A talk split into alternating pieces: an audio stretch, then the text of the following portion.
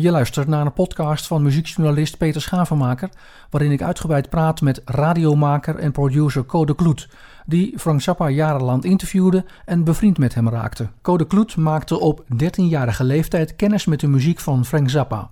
Nadat hij de LP Freakout had gehoord, die in de platencollectie van zijn vader Code Kloet senior zat. Maar ook in de collectie van zijn ooms, Herman Stok en dienstpartner Kees van Maasdam. Alle drie pioniers op het gebied van popradio in Nederland. De Kloet senior en Stok stonden aan de wieg van Tijd voor Teenagers. Het eerste radio- en later televisieprogramma over popmuziek in Nederland. Het muzikale perspectief van Code Kloet junior, zo zegt hij zelf, veranderde niet alleen door de Zappe LP Freakout uit 1966, maar ook door de LP 200 Motels uit 1971. Code Kloet zag Frank Zappa in september 1973 voor de eerste keer live tijdens een concert in het Amsterdamse Concertgebouw. Zijn eerste ontmoeting met zijn idool was in 1976. Een jaar later startte een serie van unieke en openhartige interviews die duurde tot net voor het overlijden van Frank Zappa op 4 december 1993.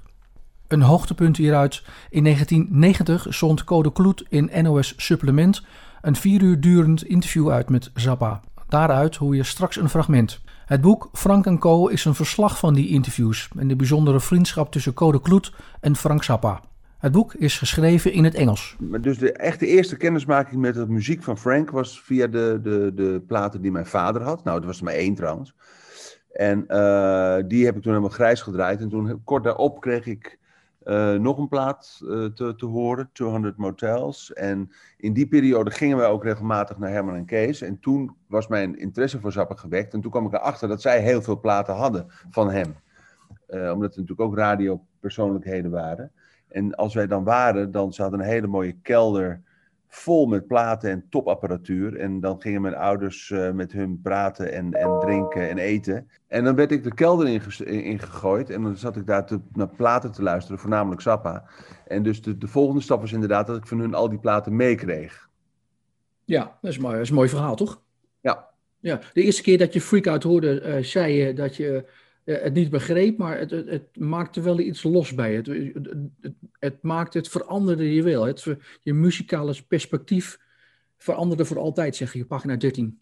Ja, ja kijk, als, je, als jij checkt wat er in die tijd in de hitlijsten stond, en als je dan nagaat dat dat, dat is wat ik hoorde, plus barokmuziek, uh, viel ik in een wereld die totaal anders klonk. En daar zat een soort eerlijkheid, een soort rauwheid en een soort, soort puurheid aan die ik niet snapte, maar die mij direct prikkelde en, en, en nieuwsgierig maakte. Ja, zijn die woorden die je nu zegt uh, ook zeg maar de beste omschrijving om Zappa te omschrijven? Ik weet er heel veel van, maar er zijn ook mensen die hebben alles van hem bestudeerd en kennen alle catalogusnummers uit hun hoofd. Dat zijn echt van die freaks, dat, daar reken ik mezelf niet echt toe. Uh, uh, maar als er één eigenschap is die rond de, die hele persoon en die hele muziek heen verpakt zit, dat is een ultieme eerlijkheid. En ik denk dat ik dat toen in die muziek al hoorde. Weet je wel? Het, was, het was ontdaan van alle trends of wat er op dat moment populair was. Het was puur wat het was. Het was puur origineel uh, qua, qua, qua klank, qua opvatting, qua vormgeving. En dat was die directe eerlijkheid die mij heel erg aansprak. Ja, op welke, manier heeft dat, op welke manier heeft dat jou als persoon gevormd vanaf uh, iemand die 12, 13 is?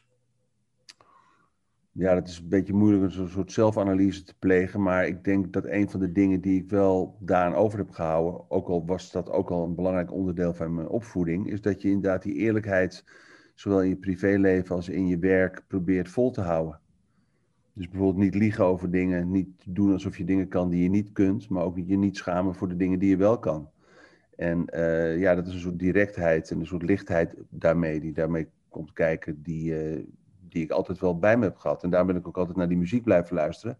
En daarom was ik ook zo in de, in de bijzondere omstandigheid dat ik, terwijl me dat al zo aansprak, hem ook nog leerde kennen. En dat was natuurlijk eigenlijk heel bizar. Ja, en hielp zeg maar dan de manier waarop je was opgevoed en de manier waarop je zijn muziek hebt geïnterpreteerd en, en hoe je daarmee kennis hebt gemaakt, ook in de manier waarop jullie vrienden zijn geworden. Dat hij ook die eerlijkheid direct zag. Nou dat heb ik altijd proberen in, in, in, in, in, in, uh, hoog in het vaandel te houden, inderdaad. En, en als ik met hem dingen afsprak, of als ik iets toezei, of als hij me iets vroeg, dan probeerde hij daar natuurlijk aan te voldoen. En dat, uh, dat is wel ook iets geweest wat ik ook in mijn werkzame leven altijd heb gedaan. Uh, ik zeg het geloof ik ook ergens in het boek. Een van de dingen die ik van hem geleerd heb, een deal is een deal. Dus als je met iemand iets afspreekt, is dat het.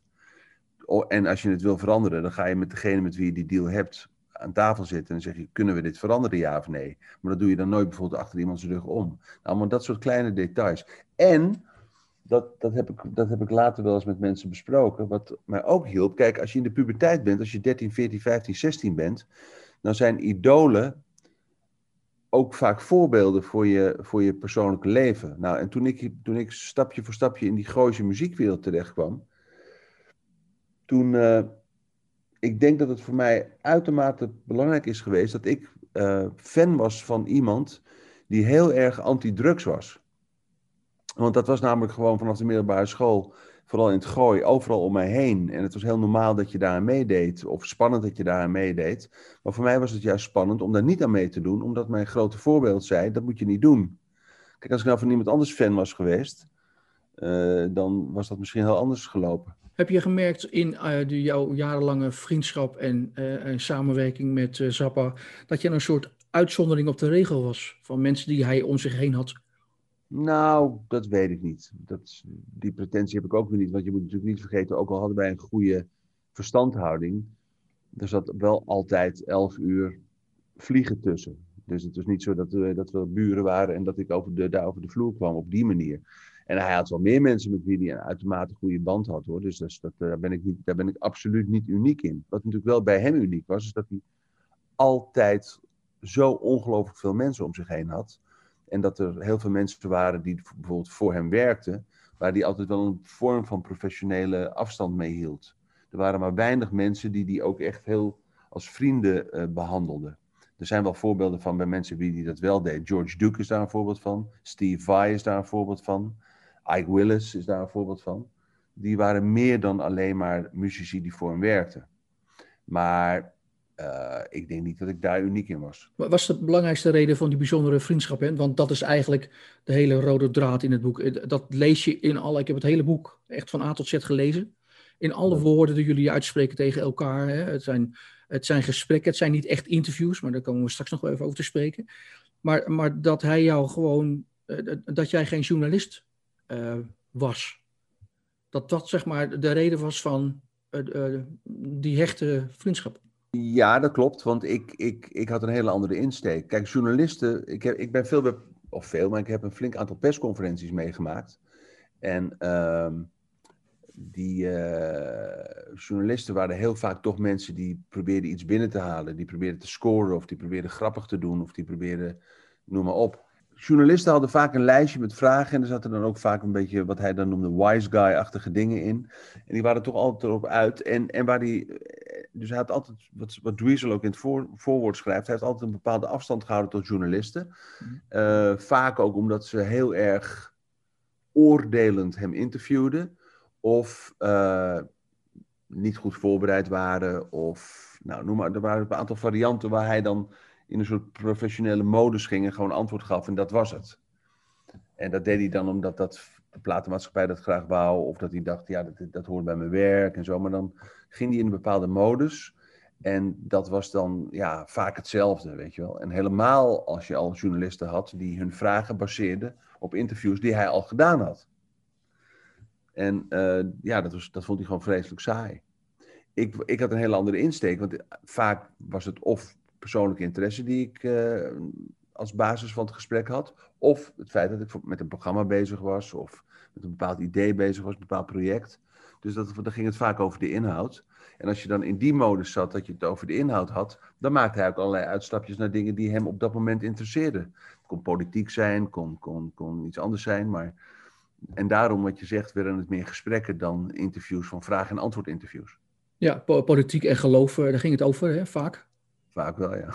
Ja, ja. Uh, ongelofelijke details uh, valt mij op uh, in, de, in de gesprekken. Jij weet bijvoorbeeld welke tracks hij live heeft gespeeld, terwijl hij dat zelf niet meer zegt te weten. Dat, dat, dat soort dingen, dat, dat, daar is het boek van doordrenkt op een zeer positieve manier. Dat is echt een compliment om dat zo te lezen. Dankjewel. Ja, kijk, dat voorbeeld wat je nu aanhaalt, dat was, dat was voor mij ook gewoon een no-brainer, zoals ze het noemen. Hij had een stuk gespeeld bij het allereerste concert wat ik zag. En dat had zo'n verpletterende indruk op mij gemaakt. Ik was toen 14. En een van de dingen die ik fantastisch vond van het concert is dat hij een stuk speelde van zijn tweede LP, Brown Shoes Don't Make It.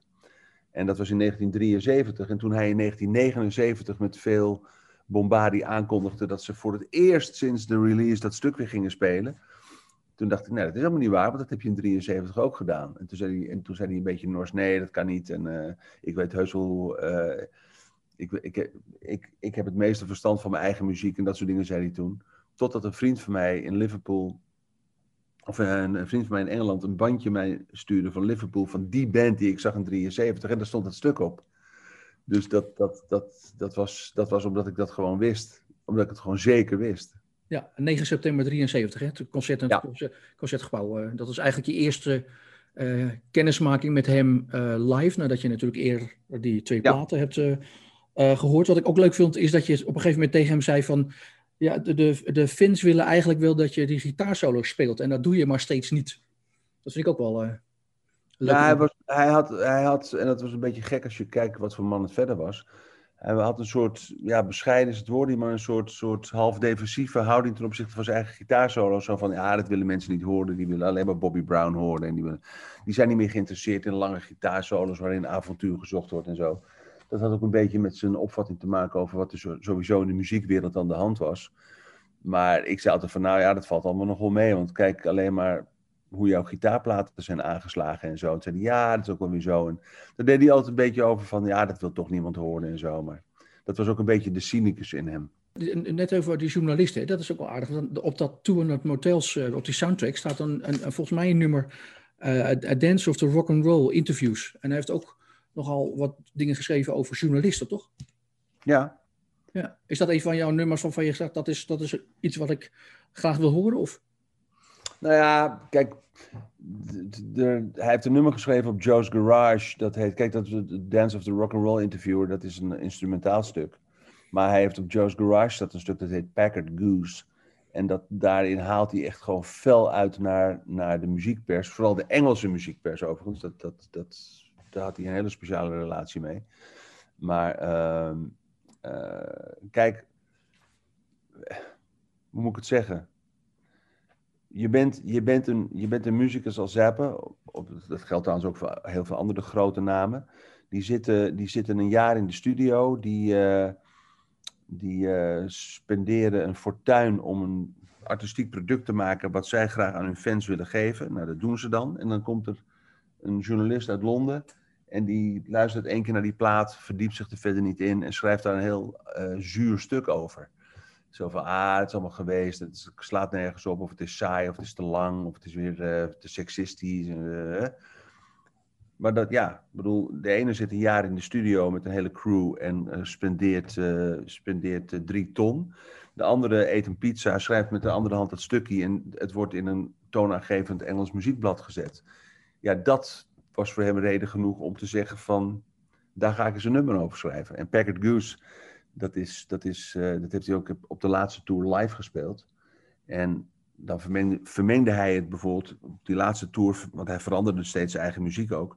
Had hij dat stuk Packet Goose weer vermengd met muziek van Bartok en van Stravinsky. En, uh, dus, dus, dus hij was continu daarmee, daarmee bezig van hoe, die, hoe de pers en vooral de recensenten uh, soms muziek benaderen en ook, ook dingen schrijven die of niet kloppen of ongelooflijk uh, gekleurd zijn, weet je. Kijk, als jij een interview doet met Frank Zappa en je hebt je niet goed voorbereid en je krijgt de wind van voren en vervolgens krijg je een half jaar later een plaat op je bureau en die moet jij recenseren. Ja, dus de kans groot dat je denkt, nu is het mijn kans. Ja, als je niet professioneel genoeg bent, bedoel je dan? Ja, en dat vond hij. Kijk, hij heeft over rock'n'roll journalisten gezegd, en ik parafraseer, want ik vergeet altijd hoe het precies ging. En hij zelf trouwens ook, dat staat ook ergens in het boek. People who cannot write, talking to people who cannot talk, making articles for people who cannot read. Hij was ook behoorlijk stevig over de rock'n'roll industrie. Eh, bijvoorbeeld eh, pagina 207 uh, in dat interview zegt hij: Anybody who wants to have a hit rock and roll record has to be a part-time criminal. En dat, daar gaat nog wel in, in, dat, zeg maar, rondom die pagina's gaat het nog wel meer over. Dat hij het, het zeg maar, ook nog zelfs zegt dat, hij, dat de klassieke muziek nog corrupter is dan de rock and roll muziek. Ja. Daar, daar was hij ook wel behoorlijk stevig in hè? en helder in over hoe hij dacht over de, zeg maar de, de, de, de muziekwereld, met name de rock and roll en de klassieke wereld is ook interessant. Ja, maar dat heeft ook, dat, heeft ook, dat heeft ook weer met die eerlijkheid te maken. En het heeft natuurlijk ook te maken. Er is een prachtig filmpje op YouTube. waarin hij een soort analyse geeft over hoe de muziekindustrie in, de uh, in, in, uh, in ontwikkeling is. Kijk, toen hij. Hij heeft ook heel vaak gezegd. Als ik in 1985 was begonnen. had ik nooit een contract gekregen. Want hij, hij is namelijk groot geworden in een tijd dat die kunstvorm van, van dat soort muziek, dat soort avontuurlijke muziek, uh, gemaakt werd. Die, die werd uitgevonden. Dus er was een heleboel entrepreneurship, een heleboel avontuurlijk gedrag, ook van zakelijke mensen. Zo van laten we eens kijken wat dit gaat doen. Want er gebeuren zoveel gekke dingen. Je hebt de hele hippie movement, je hebt de freaks in LA, Woodstock, bedoel, er is, er, is, er is heel veel aandacht, er is potentieel geld. Laten we maar wat proberen. Dus heel veel mensen kregen de kans om dingen te gaan doen. En wat je natuurlijk de, de, de, decennia daarna ziet, is dat er een soort formatering is gekomen die heel dwingend werd. En met de komst van MTV is het zo dat bijna al het avontuur uit de pop is geslagen. En als je bijvoorbeeld nu de radio aanzet, Frank heeft wel eens gezegd, popmuziek is muziek die klinkt zoals zichzelf. En dat is wat je natuurlijk nu ziet. Iedereen doet elkaar na. En je hebt een aantal, aantal uh, uitgesproken figuren, hè, die, die dan een soort leading zijn. En daarachteraan komt een hele club met mensen die, die kopieergedrag gaan vertonen. Dus je ziet hier bijvoorbeeld in, in, in Nederland zie je rapgroepen die gaan erbij lopen alsof ze in de achterbuurt van New York wonen. Terwijl ze gewoon in Amstelveen wonen, ik noem maar wat. Dus, dus, dus dat formateren en daarmee ook het uitsluiten van het avontuur in de muziek, dat is iets wat hem altijd bezig heeft gehouden. En in de slipstream, mij dus ook. Ik heb me ook altijd verbaasd over dat, dat bijvoorbeeld in het hele onderwijs of op de radio of op de televisie, nou televisie heb ik het al helemaal niet meer over, maar dat muziek niet meer die ruimte krijgt en, en dat je daarmee dus een publiek creëert dat denkt dat muziek één soort muziek is en een uh, intelligentie slash concentratiespannen heeft van onder de twee minuten. Ja, als je dan met een gitaarsolo van negen minuten aankomt, dan heb je het zwaar. Ja, want je hebt ook van hem geleerd dat er geen genres verstaan. Hè? Dat heeft hij eigenlijk jou bijgebracht, toch? Nou ja, bedoel, er bestaan in die zin genres dat je klankkleuren hebt en dat je kunt zeggen dat zit in dat gebied en dat zit in dat gebied. Alleen je hebt een heleboel mensen uit de business en uit de media die daar hekken tussen gaan zetten. Die denken dat iemand die van Ramstein houdt, dus niet van Bach houdt. Terwijl iemand van, of van klassieke muziek houdt. Waarbij ik denk dat mensen die van Ramstein houden, potentiële Wagner-liefhebbers zijn. En, en potentiële Wagner-lief, of Wagner-liefhebbers potentiële Ramstein-liefhebbers zijn. En dat het voor Zappa niet uitmaakte of hij een country en western liedje schreef, of een stuk voor groot orkest, of voor een computer, of voor een strijkkwartet. En, en die, die klikvorming en die, die, die, dat, dat formateren en dat kleuren van allerlei groepen, dat heb ik, heb ik nooit begrepen en heb ik me ook nooit mee bezig willen houden. Om een voorbeeld te geven uit mijn eigen leven. Ik ben van huis uit blokfluitist. Dat heb ik gestudeerd, afgestudeerd, ook saxofoon trouwens en elektronische muziek. Maar blokfluit was mijn start. Dat vind ik nog steeds een van de meest fascinerende instrumenten die er zijn overigens. En ik luister heel graag naar barok. Je wil niet weten hoe vaak het mij gebeurd is dat als ik zei dat ik afgestudeerd blokfluitist was, de eerste reactie van mensen was: Oh, zo zie je er helemaal niet uit. Alsof mijn uiterlijk iets te maken zou hebben met het feit dat ik een bepaald instrument speel. Maar zo denken mensen.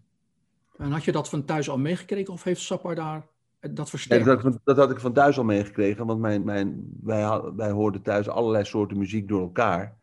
En, uh, en mijn vader die, uh, die uh, werkte in een tamelijk progressieve omgeving. die mening over pop en rock en hits, dat is niet alleen op pagina 100, 207, maar op pagina 107 ehm, zich, hebben jullie het daar ook over. Teksten in de hits zijn vaag. algemeenheden, het gaat over liefde, haat, situatie. Het is gebaseerd allemaal op een formule. Hè? Dat is wat hij ook zegt. Ja, ja, het, het, het, het, is heel erg geformateerd en, en volgens een bepaald recept worden dingen heel vaak gemaakt. En ja, ja dat, dat, ik, ik, vind, ik, bedoel, ik, ik vind alle muziek in principe heeft zijn eigen waarde en zijn eigen publiek. Alleen dat, dat dwangmatige uit elkaar houden van dingen, dat heb ik nooit begrepen. Nee, hij zegt een pagina later, where, where everybody wants to make their stuff the same as the next guy, but a little bit different. Dat is een voorbeeld uh, uit, dat, uh, uit dat interview. Maar dat wordt ook, dat, dat wordt ook door de industrie opgedragen. Hè? Dat, wordt, dat, wordt je ook, dat wordt je ook geleerd om niet te origineel te zijn, omdat dan. Kijk, wat ik weet ook een beetje als een oude lul klink, maar wat vroeger bij de omroep een, een, een, een reden voor ontslag was, was als je zelf ging denken dat je slimmer was dan je publiek. Dat je het publiek ging onderschatten. Van laten we dit maar niet uitzenden, want dat zullen ze wel niet begrijpen. Dat was vroeger een reden voor ontslag. Nu is het een eis om aangenomen te worden dat je zo denkt. Zo van laten we niet te ingewikkeld doen, want dan gaan ze misschien naar een andere zender of dan gaan ze misschien dit en misschien dat. Dus daardoor gaat ook alles op elkaar lijken. Ja, dat, dat stukje wat ik uh, net over rock and roll zei, dat, uh, dat, dat, kwam ik tegen toen ik dingen aan het terugluisteren was van de, in de supplement uh, tapes. Toevallig was ik aan het luisteren en ik kwam op die pagina 207 tegen. Dat precies dat stukje, dus dat heb ik er even uitgehaald. En om ook even te laten horen hoe hij zeg maar klonk. The musical situation in the United States is really quite drastic because it's not based on quality. And um, the problem of getting your music broadcast in this country is really a disaster right now because there's so much payola corruption. It is impossible to get a record of any description played on the radio unless you're paying off. So, you know, anybody who wants to have a hit rock and roll record has to be a part time criminal. Meanwhile, the groups that are making the most money and doing the big tours all have support of beverage companies or tennis shoe companies or whatever. And um, the shows that they put on are not really, they're not about music, they're about show business. So if there is going to be any survival of live music any place in the world, I doubt whether this, that particular species will survive in this country. It'll survive in Europe. It'll survive in Japan. I think it's still pretty healthy in the Soviet Union. And to uh, as far as I can tell, from in Eastern Europe. And probably in South America, it's still okay, but in the United States, it's a disaster. Do you think one of the results of that uh, overemphasis on, on package and on, on money uh, could be uh, causing that the, for instance, the rock and roll industry, which at a very specific point used to be the outlet for some contra ideas, for some for some not anymore, for some revolt. Not anymore, not in this country. Because if you want a contract, you can't get a contract if the if the content of your music is too controversial. You won't get a record deal. If you manage to get a record deal and you suddenly decide to do a controversial album, that will be the album that kills your career because the record company won't promote it. But but viewed from the other way, I mean, wasn't it like that?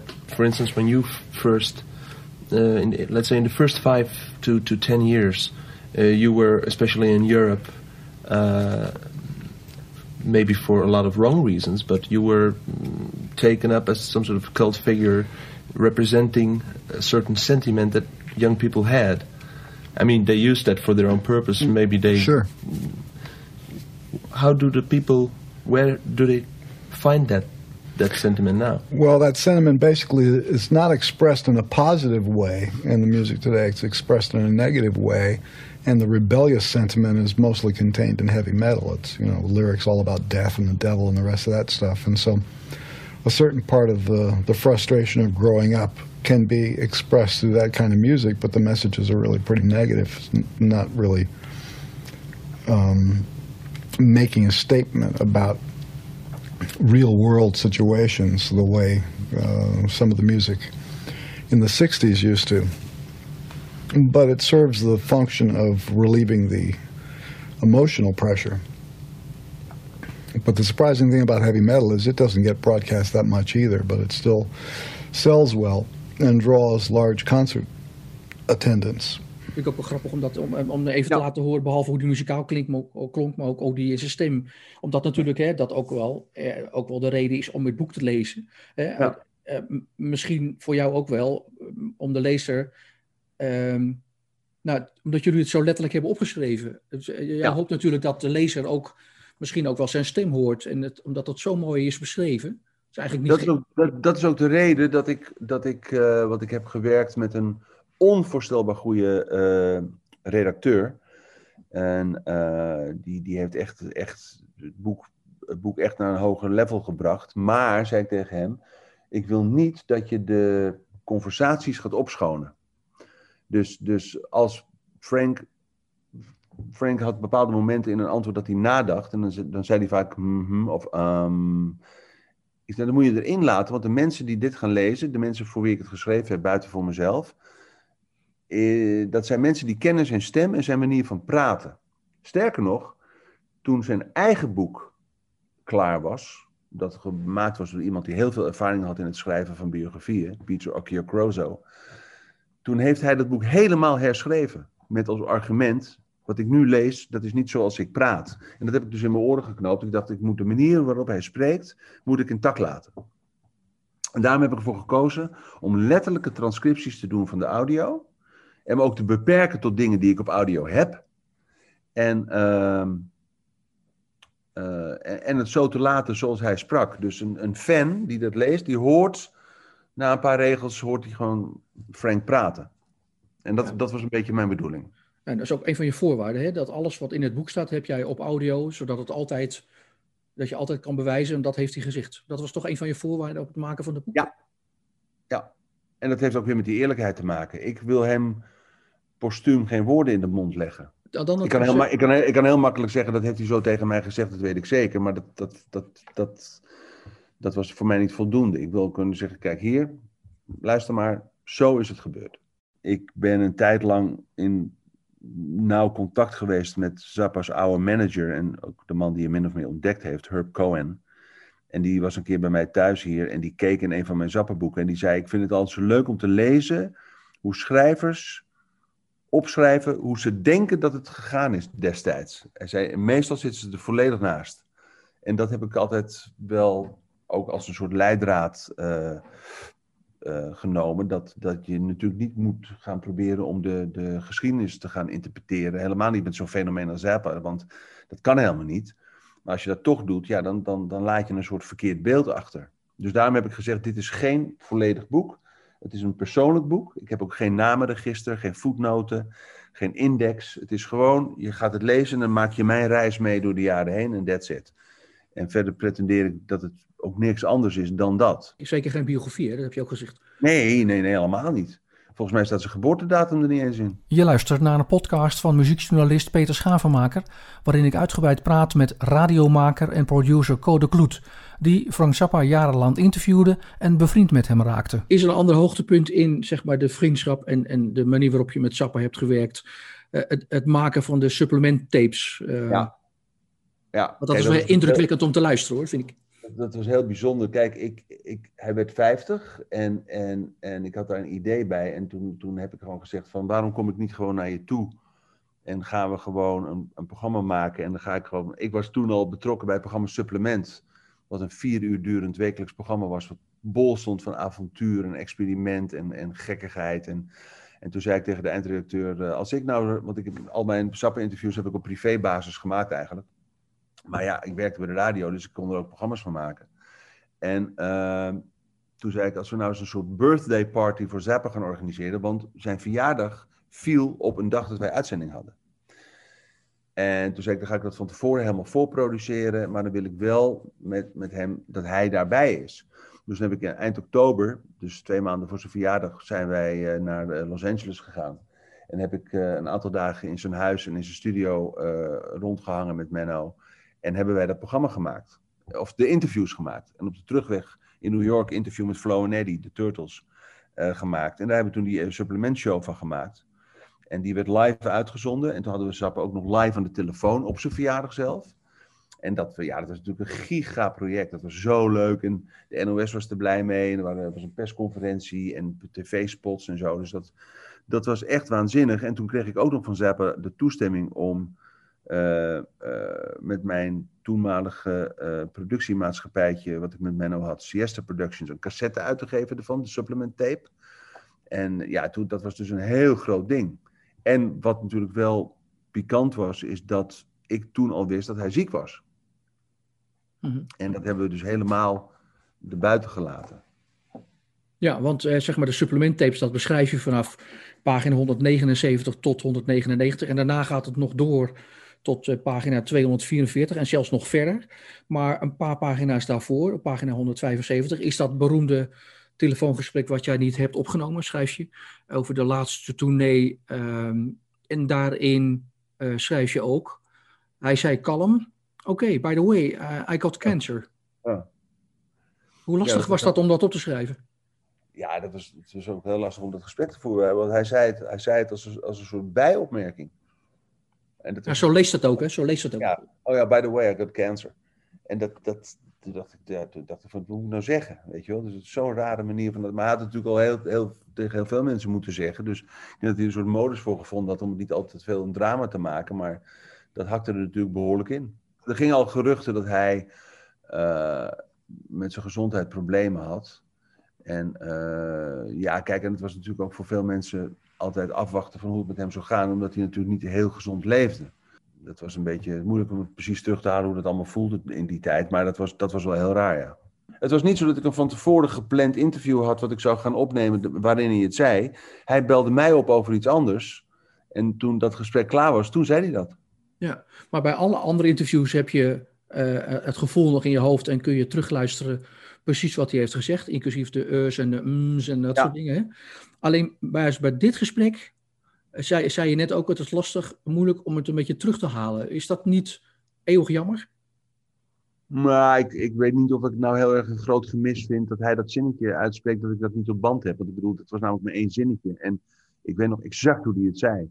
En het rare is dat hij, dat hij, dat hij ook heel tegen mij en tegen andere mensen zei, bijvoorbeeld als jij aangedaan was door iets, hoe, hè, wat hem op dat moment overkwam, dat hij jou geruststelde. Dat je relax, weet je wel, van eh, rustig maar, dat komt allemaal goed.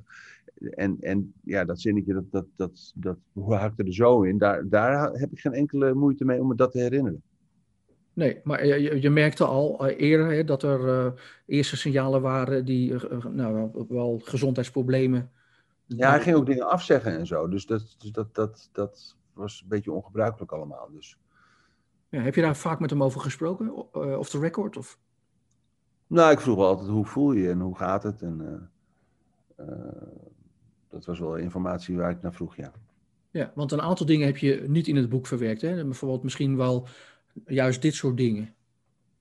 Sommige dingen zijn gewoon, vind ik, die zijn privé. En eh, ik heb gewoon bepaalde dingen die, die ook geen zin hadden. Die, eh, ik, heb, ik heb bijvoorbeeld, als mensen zich op een bepaalde manier uitlieten over hem of zijn gezin of zo, dan heb ik dat wel. Maar kijk, ik, ik wilde er gewoon. Het is niet hun verhaal, het is mijn verhaal. Met Frank en een aantal andere mensen. En dus ik heb een aantal dingen laten afvallen, ook omdat het anders een te dik boek zou worden. Maar ik heb een aantal dingen af laten vallen, omdat die, dat heb ik, ook, heb ik me ook voor verantwoord in het boek, dat ik die te, of te privé vind, of dat ik vind dat er dingen worden gezegd over mensen die zich niet meer kunnen verdedigen. Mhm. Dus daar wilde ik niet intreden, want dan krijg je een soort, ja, een soort, soort, soort, soort roddelachtige, National Enquirer-achtig, eh, privé-achtige, story-achtige verhalen, weet je wel. Van, er wordt gezegd dat en zo. En daar heb ik ongelofelijke tyfushekel aan. Dus ik, eh, ik zeg, daar, daar, dat ga ik dus niet doen. Er hebben wel eens mensen tegen mij gezegd, Sap heeft dat en dat met mij gedaan. Of mij dat en dat en dat geflikt. Ja, A, ik kan het niet checken. B, het dient geen doel. Het zou, het zou voor heel veel mensen die daarvan houden wel lekker leesvoer zijn. Maar dan, daar, daar ben ik niet van. Je bent wel in Amerika geweest hè, om afscheid te nemen.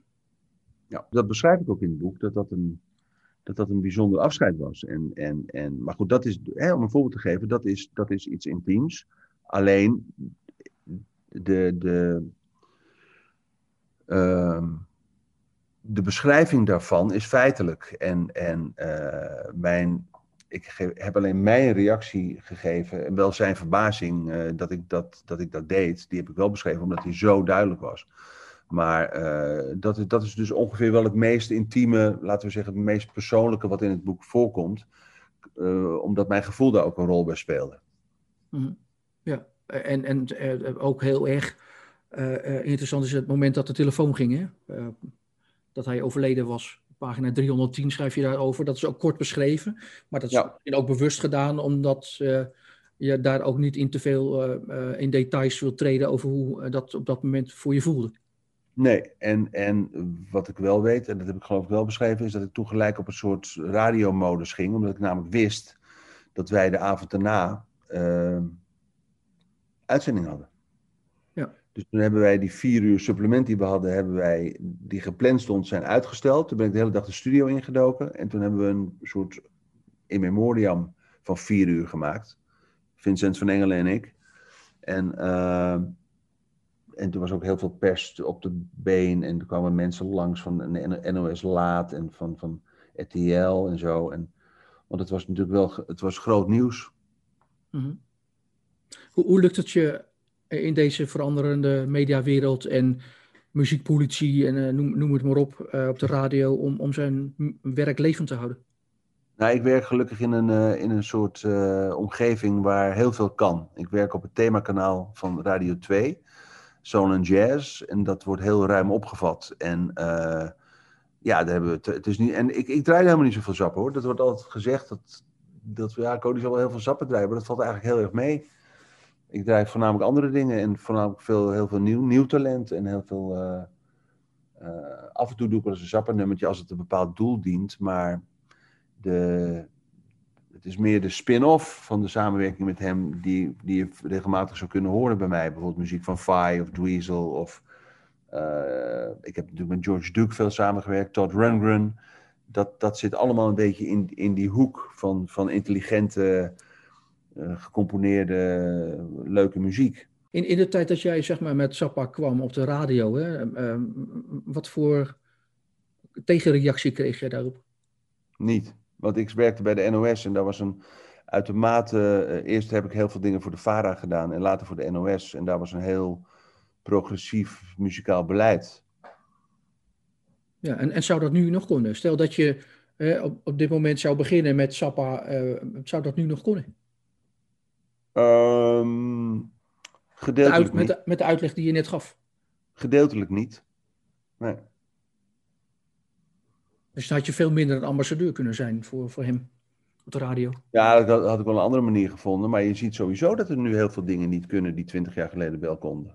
Bijvoorbeeld uh, heel veel vormen van, van, van, van eigen tijdse muziek, heel veel vormen van experiment, radiofonie, hoorspel. Binnenkort wordt uh, de, de, hele genre documentaire van de zender uh, verbannen. Dus de, heel veel dingen die vroeger konden, kunnen niet meer. Ik zeg niet dat het vroeger beter was, maar het was wel anders. Eerder spraken we over de uitspraak van Frank Zappa dat hij de klassieke muziek naast de popindustrie ook een corrupte industrie vond. Ja, dat is de industrie. Kijk, hij, hij is natuurlijk begonnen ooit als iemand die componist wilde worden. Toen hij teenager was, zat hij gewoon orkestmuziek eh, te schrijven op zijn manier, omdat hij gefascineerd was door grote eigentijdse componisten als Varese, Stravinsky, Webern dat, waren, dat was zijn grote passie. En het was pas toen hij 20 was, of 21, dat hij dacht: als ik bij muziek gehoord wil hebben, die ik schrijf, dan moet ik andere soorten muziek gaan maken, want het gaat in die orkestwereld niet lukken. Dus toen is hij de popmuziek ingegaan, om het even kort door de bocht te zeggen. Maar toen had hij al heel veel kamermuziek gemaakt. Ja, is dat iets, is, is dat een, zeg maar, een muziekstijl die uh, bij veel mensen onbekend is? Van hem? Nee, nee, nee. Want hij, hij heeft bijvoorbeeld. Uh, voordat hij, voordat hij ooit een plaat had gemaakt, had hij al voor twee films de filmmuziek gemaakt. En uh, daarin hoor je gewoon ook bepaalde thema's terug die later terugkomen in zijn werk. Maar uh, toen, toen hoorde je al dat, dat, dat de klankwereld, het, componeren, het, het, experimenteren met klank, uh, met, met, met, met melodielijnen en zo, dat dat toen al erin zat. En dat hij toen al een hele progressieve manier van denken had. Hij, hij, een van zijn eerste tv-optredens had hij een totaal idioot stuk gemaakt voor muzikanten, elektronische muziektape en twee fietsen. Nou, dat is, dat is, ik bedoel, dat was in de jaren zestig was dat natuurlijk, dat, wat hebben we nou, uh, wat hebben we nou in huis gehaald? Alleen, dat werd toen wel op televisie uitgezonden, in de Steve Allen Show. Dus dat, dat bedoel ik met, de, er konden toen dingen die nu niet meer kunnen. Uh, daar heeft hij natuurlijk altijd heel goed uh, gebruik van gemaakt. Want ook al zat hij altijd op de industrie en op de media te voeteren, hij wist er wel heel slim gebruik van te maken. Ja, maar wat is bijvoorbeeld een stuk wat klassiek en, en rock en pop combineert? Wat je, zo, wat je zo te binnen schiet, wat ik zou kunnen uitkiezen? Nou ja, een van de stukken waarbij hij dat doet is bijvoorbeeld, um, er is op de plaat Orchestral Favorites, is een stuk dat heet Duke of Prunes, wat een hele oude melodie van hem is. Dat had hij dan in een soort, soort orkestsetting gezet. Dat vind ik daar een goed voorbeeld van. Ja, er is een stuk dat heet Strictly Genteel. Dat is, dat is de finale van, van, uh, van 200 Motels. Daar heeft hij later ook meerdere instrumentale versies van uitgebracht. Dat zijn echt van die, van die osmose stukken waarbij hij allerlei stijlen door elkaar weet te mengen. Soms is hij ook heel puristisch, hè, dat hij gewoon een country en western nummer schrijft, of een rock and roll nummer, of een doo-wop nummer. Maar dat mengen, dat heeft hij natuurlijk altijd al gedaan. Kijk, een van zijn meest populaire platen in Nederland is de plaat Hot Rats uit uh, eind jaren 60. En daar staat een stuk op, dat kent elke Zappa-fan, dat heet Peaches and Regalia. Ja, dan hoor je gewoon dat hij zo'n eigen melodische en harmonische wereld heeft weten te creëren. Toen al. Want toen was hij nog geen dertig. En, uh, en zich al omringde met topmuzikanten. En uh, ja, dat, toen, toen was duidelijk dat, er, dat, we met, dat we met een speciaal fenomeen te maken hadden. Kon, kon je alles aan hem vragen? Want uh, sommige momenten ben je wel kritisch en, en ben je verschrikkelijk om mee te werken, vraag je op een gegeven moment in het boek. Hij, hij was, hij was niet gemakkelijk. Maar hij was altijd wel eerlijk, schrijf je op pagina 63. Kon je altijd alles met hem bespreken? Ja. Ja, want, want de, de, de bijna. Uh, de bijna noodzakelijke eerlijkheid die hij erop nahield, die verwachtte hij ook van anderen. Dus, het, dus, dus die ruimte bood hij ook. Je kon, en als hij ergens geen zin in had om op te antwoorden, zei hij dat ook gewoon eerlijk. Ja, daar wil ik het nu niet over hebben. Maar je, het is niet zo dat, je, dat hij beledigd was dat je iets vroeg. Helemaal niet zelfs. Maar misschien waardeerde hij dat wel. Ja, dat verwachtte hij over zijn omgeving. Dat, dat, en dat, dan was het ook leuk. Dan kun je ook lachen en, en uh, of op bepaalde zaken dieper ingaan. Of er een, een grappige wending aan geven. En, uh, ik bedoel, wij hadden op een gegeven moment een gesprek waarin twee lijnen door elkaar liepen, namelijk hoe hij dacht dat Jezus eruit zou zien in relatie tot de Golfoorlog. En dat, ja, dan, dan merkte hij gewoon dat hij dat leuk vond om dan een beetje improviserend daarover na te denken en antwoord te geven. Mm. Ja, en was dat ook soms om te, om te provoceren?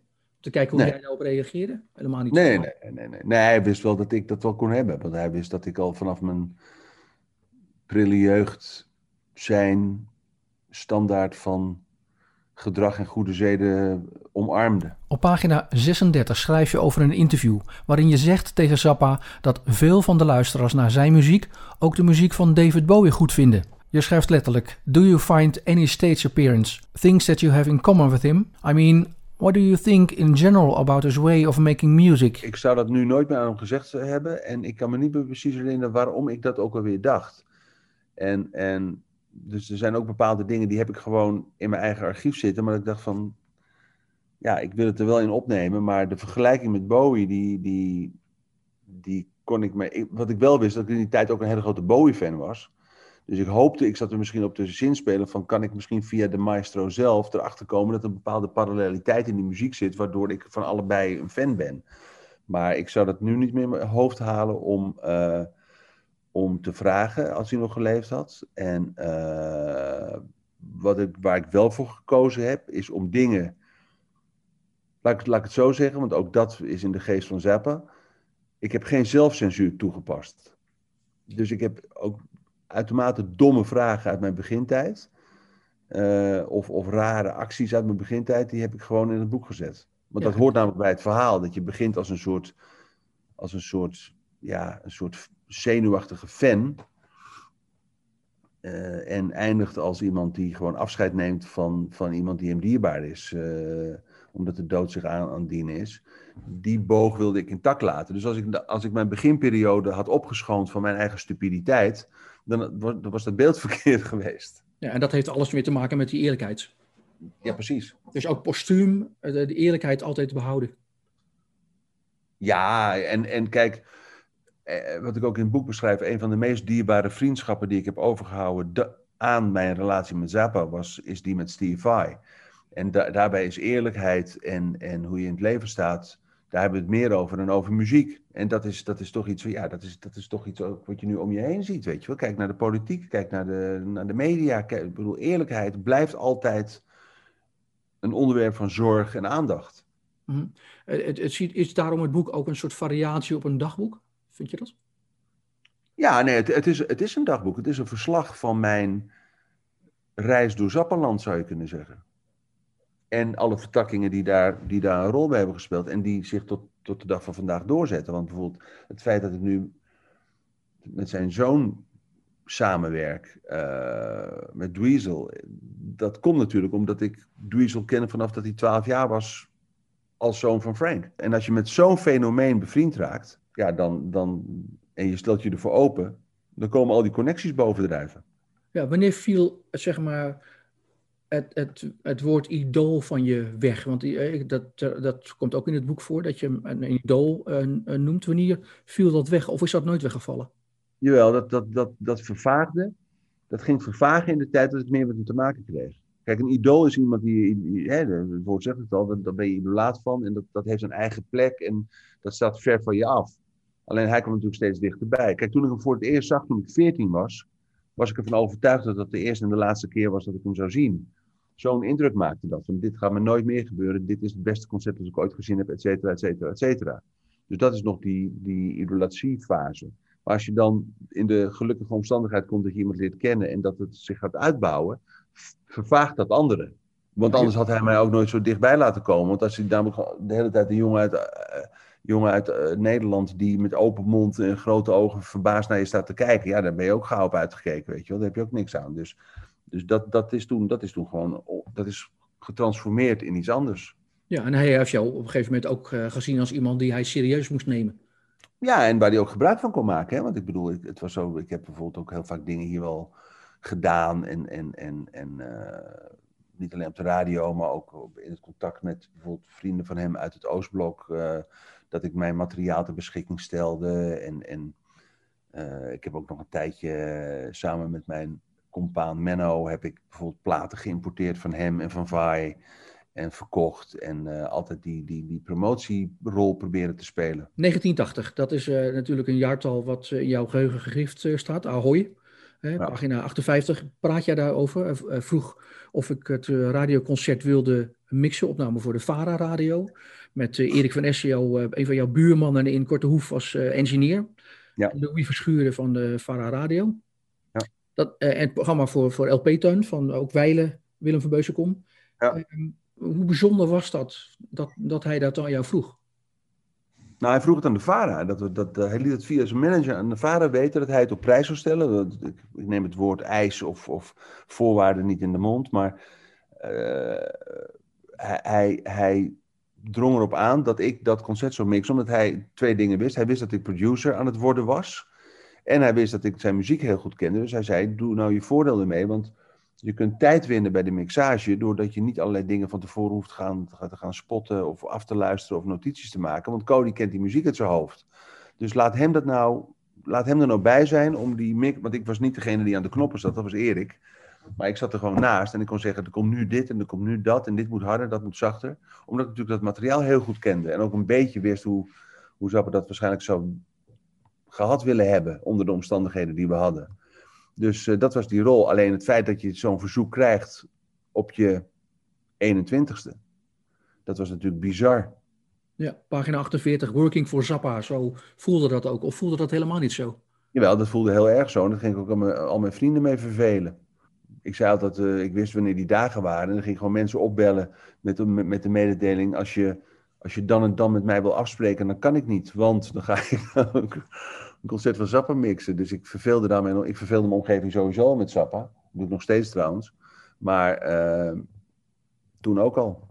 Ja, heel grappig om te horen. En, wat zeiden ze daarover? Vonden ze dat leuk? Of, uh... Ja, ze vonden het voor mij leuk, laat ik het zo zeggen. Ja, is dit een van je hoogtepunten in je jarenlange ja, dat, dat, was natuurlijk, dat was natuurlijk een doorstart. Dat was natuurlijk een, een, een dat was natuurlijk een essentieel moment. Dat, dat, dat ik gewoon A, in zo'n prachtige studio kon zitten met een toptechnicus. En dat ik al bij het concert was en dat het multitrack was. En dat je, dat je met een pas eh, backstage liep en met Frank stond te praten hoe de show ging. En, en eh, ja, dat, dat, was, dat was natuurlijk waanzinnig. Is Nederland ook echt een Zappa-land? Ja, dat is, dat is het altijd al geweest. Sterker nog, hij heeft overwogen om hier te gaan wonen een tijdje. Uh, maar al vanaf zijn eerste concerten in het concertgebouw vielen al gelijk uh, heel erg goed. Kijk, Zappa had een hele vriendschappelijke relatie met de Provo-beweging in Amsterdam. Dus die, die, dat, vaak werd hem een soort anti-Amerikanisme verweten, wat, wat hij overigens ontkende. Maar hij was natuurlijk wel pro-vrijheid, pro... Ja, hij was, hij was progressief, dus hij, hij bladen als Hitweek en Aloha later waren pro-Zappa. En uh, in 1970, 71 had hij een goede relatie met de VPRO. Uh, hij, hij, heeft altijd veel met Amsterdam gehad en Rotterdam trouwens. En uh, dus die band is altijd heel sterk geweest. Ja, pagina 96 gaat het. Hè? You've been in Holland many, many times. Daar is, dat is een van de dingen waarover je schrijft in het boek. Over zijn relatie met uh, Nederland. Maar het is wel interessant om dat uh, even te duiden, toch? Ja, zeker. Ja. ja Tappa heeft ook heel veel Nederlandse muzikanten geïnspireerd. Absoluut. Wat dacht je van uh, mensen als Corrie van Binsbergen of Wouter Plantijt of Frans van Deursen? Dat soort mensen die hebben allemaal duidelijk een, een tik van hem meegekregen. Ja, conservatorium. Um, ik, las, ik, ik, ik, begreep dat je daar een soort coördinerende rol hebt, maar ook wel wat les geeft. Ja. En, en wat, wat voor rol speelt Sappa daarin, in, in dat werk op het conservatorium? Nou, dat, dat, dat, dat doe ik niet. Ik heb een collega die, die, die heeft zelfs een aparte Zappa-klas. Fluitist Jos Zwanenburg, die, die, uh, die is daar heel actief in. Nou ja, nee, wat ik wel vaak meeneem is omdat Zappa een, een, een hele, heel goed zakelijk inzicht had namelijk de, de reden waarom ik het een goed zakelijk inzicht noem, is dat hij een zakelijk inzicht had waarbij hij geen, geen compromissen deed over zijn artistieke inhoud. En uh, dat geef ik wel mee aan studenten, dat ze hun eigen identiteit en hun eigen ideeën, dat ze dat moeten waarborgen. Wel altijd aan moeten blijven sleutelen en ontwikkelen en evalueren, maar dat ze nooit omwille van een zakelijk iets uh, iets moeten doen waar ze artistiek niet achter staan. Wat zou je vinden van het boek? Ik denk dat hij er wel om zou kunnen lachen en dat hij zegt van. Uh, hij, hij kon soms complimenteus zijn en dan dingen zeggen die. Dat je zo op papier leest dat je denkt van nou dat is ook niet aardig, maar dan was het wel als compliment bedoeld. Ik denk dat hij zegt van. Uh, hij had waarschijnlijk gezegd van had je niks beters te doen. Dank je voor het mooie gesprek. Jij bedankt voor je aandacht hiervoor. Hartstikke leuk.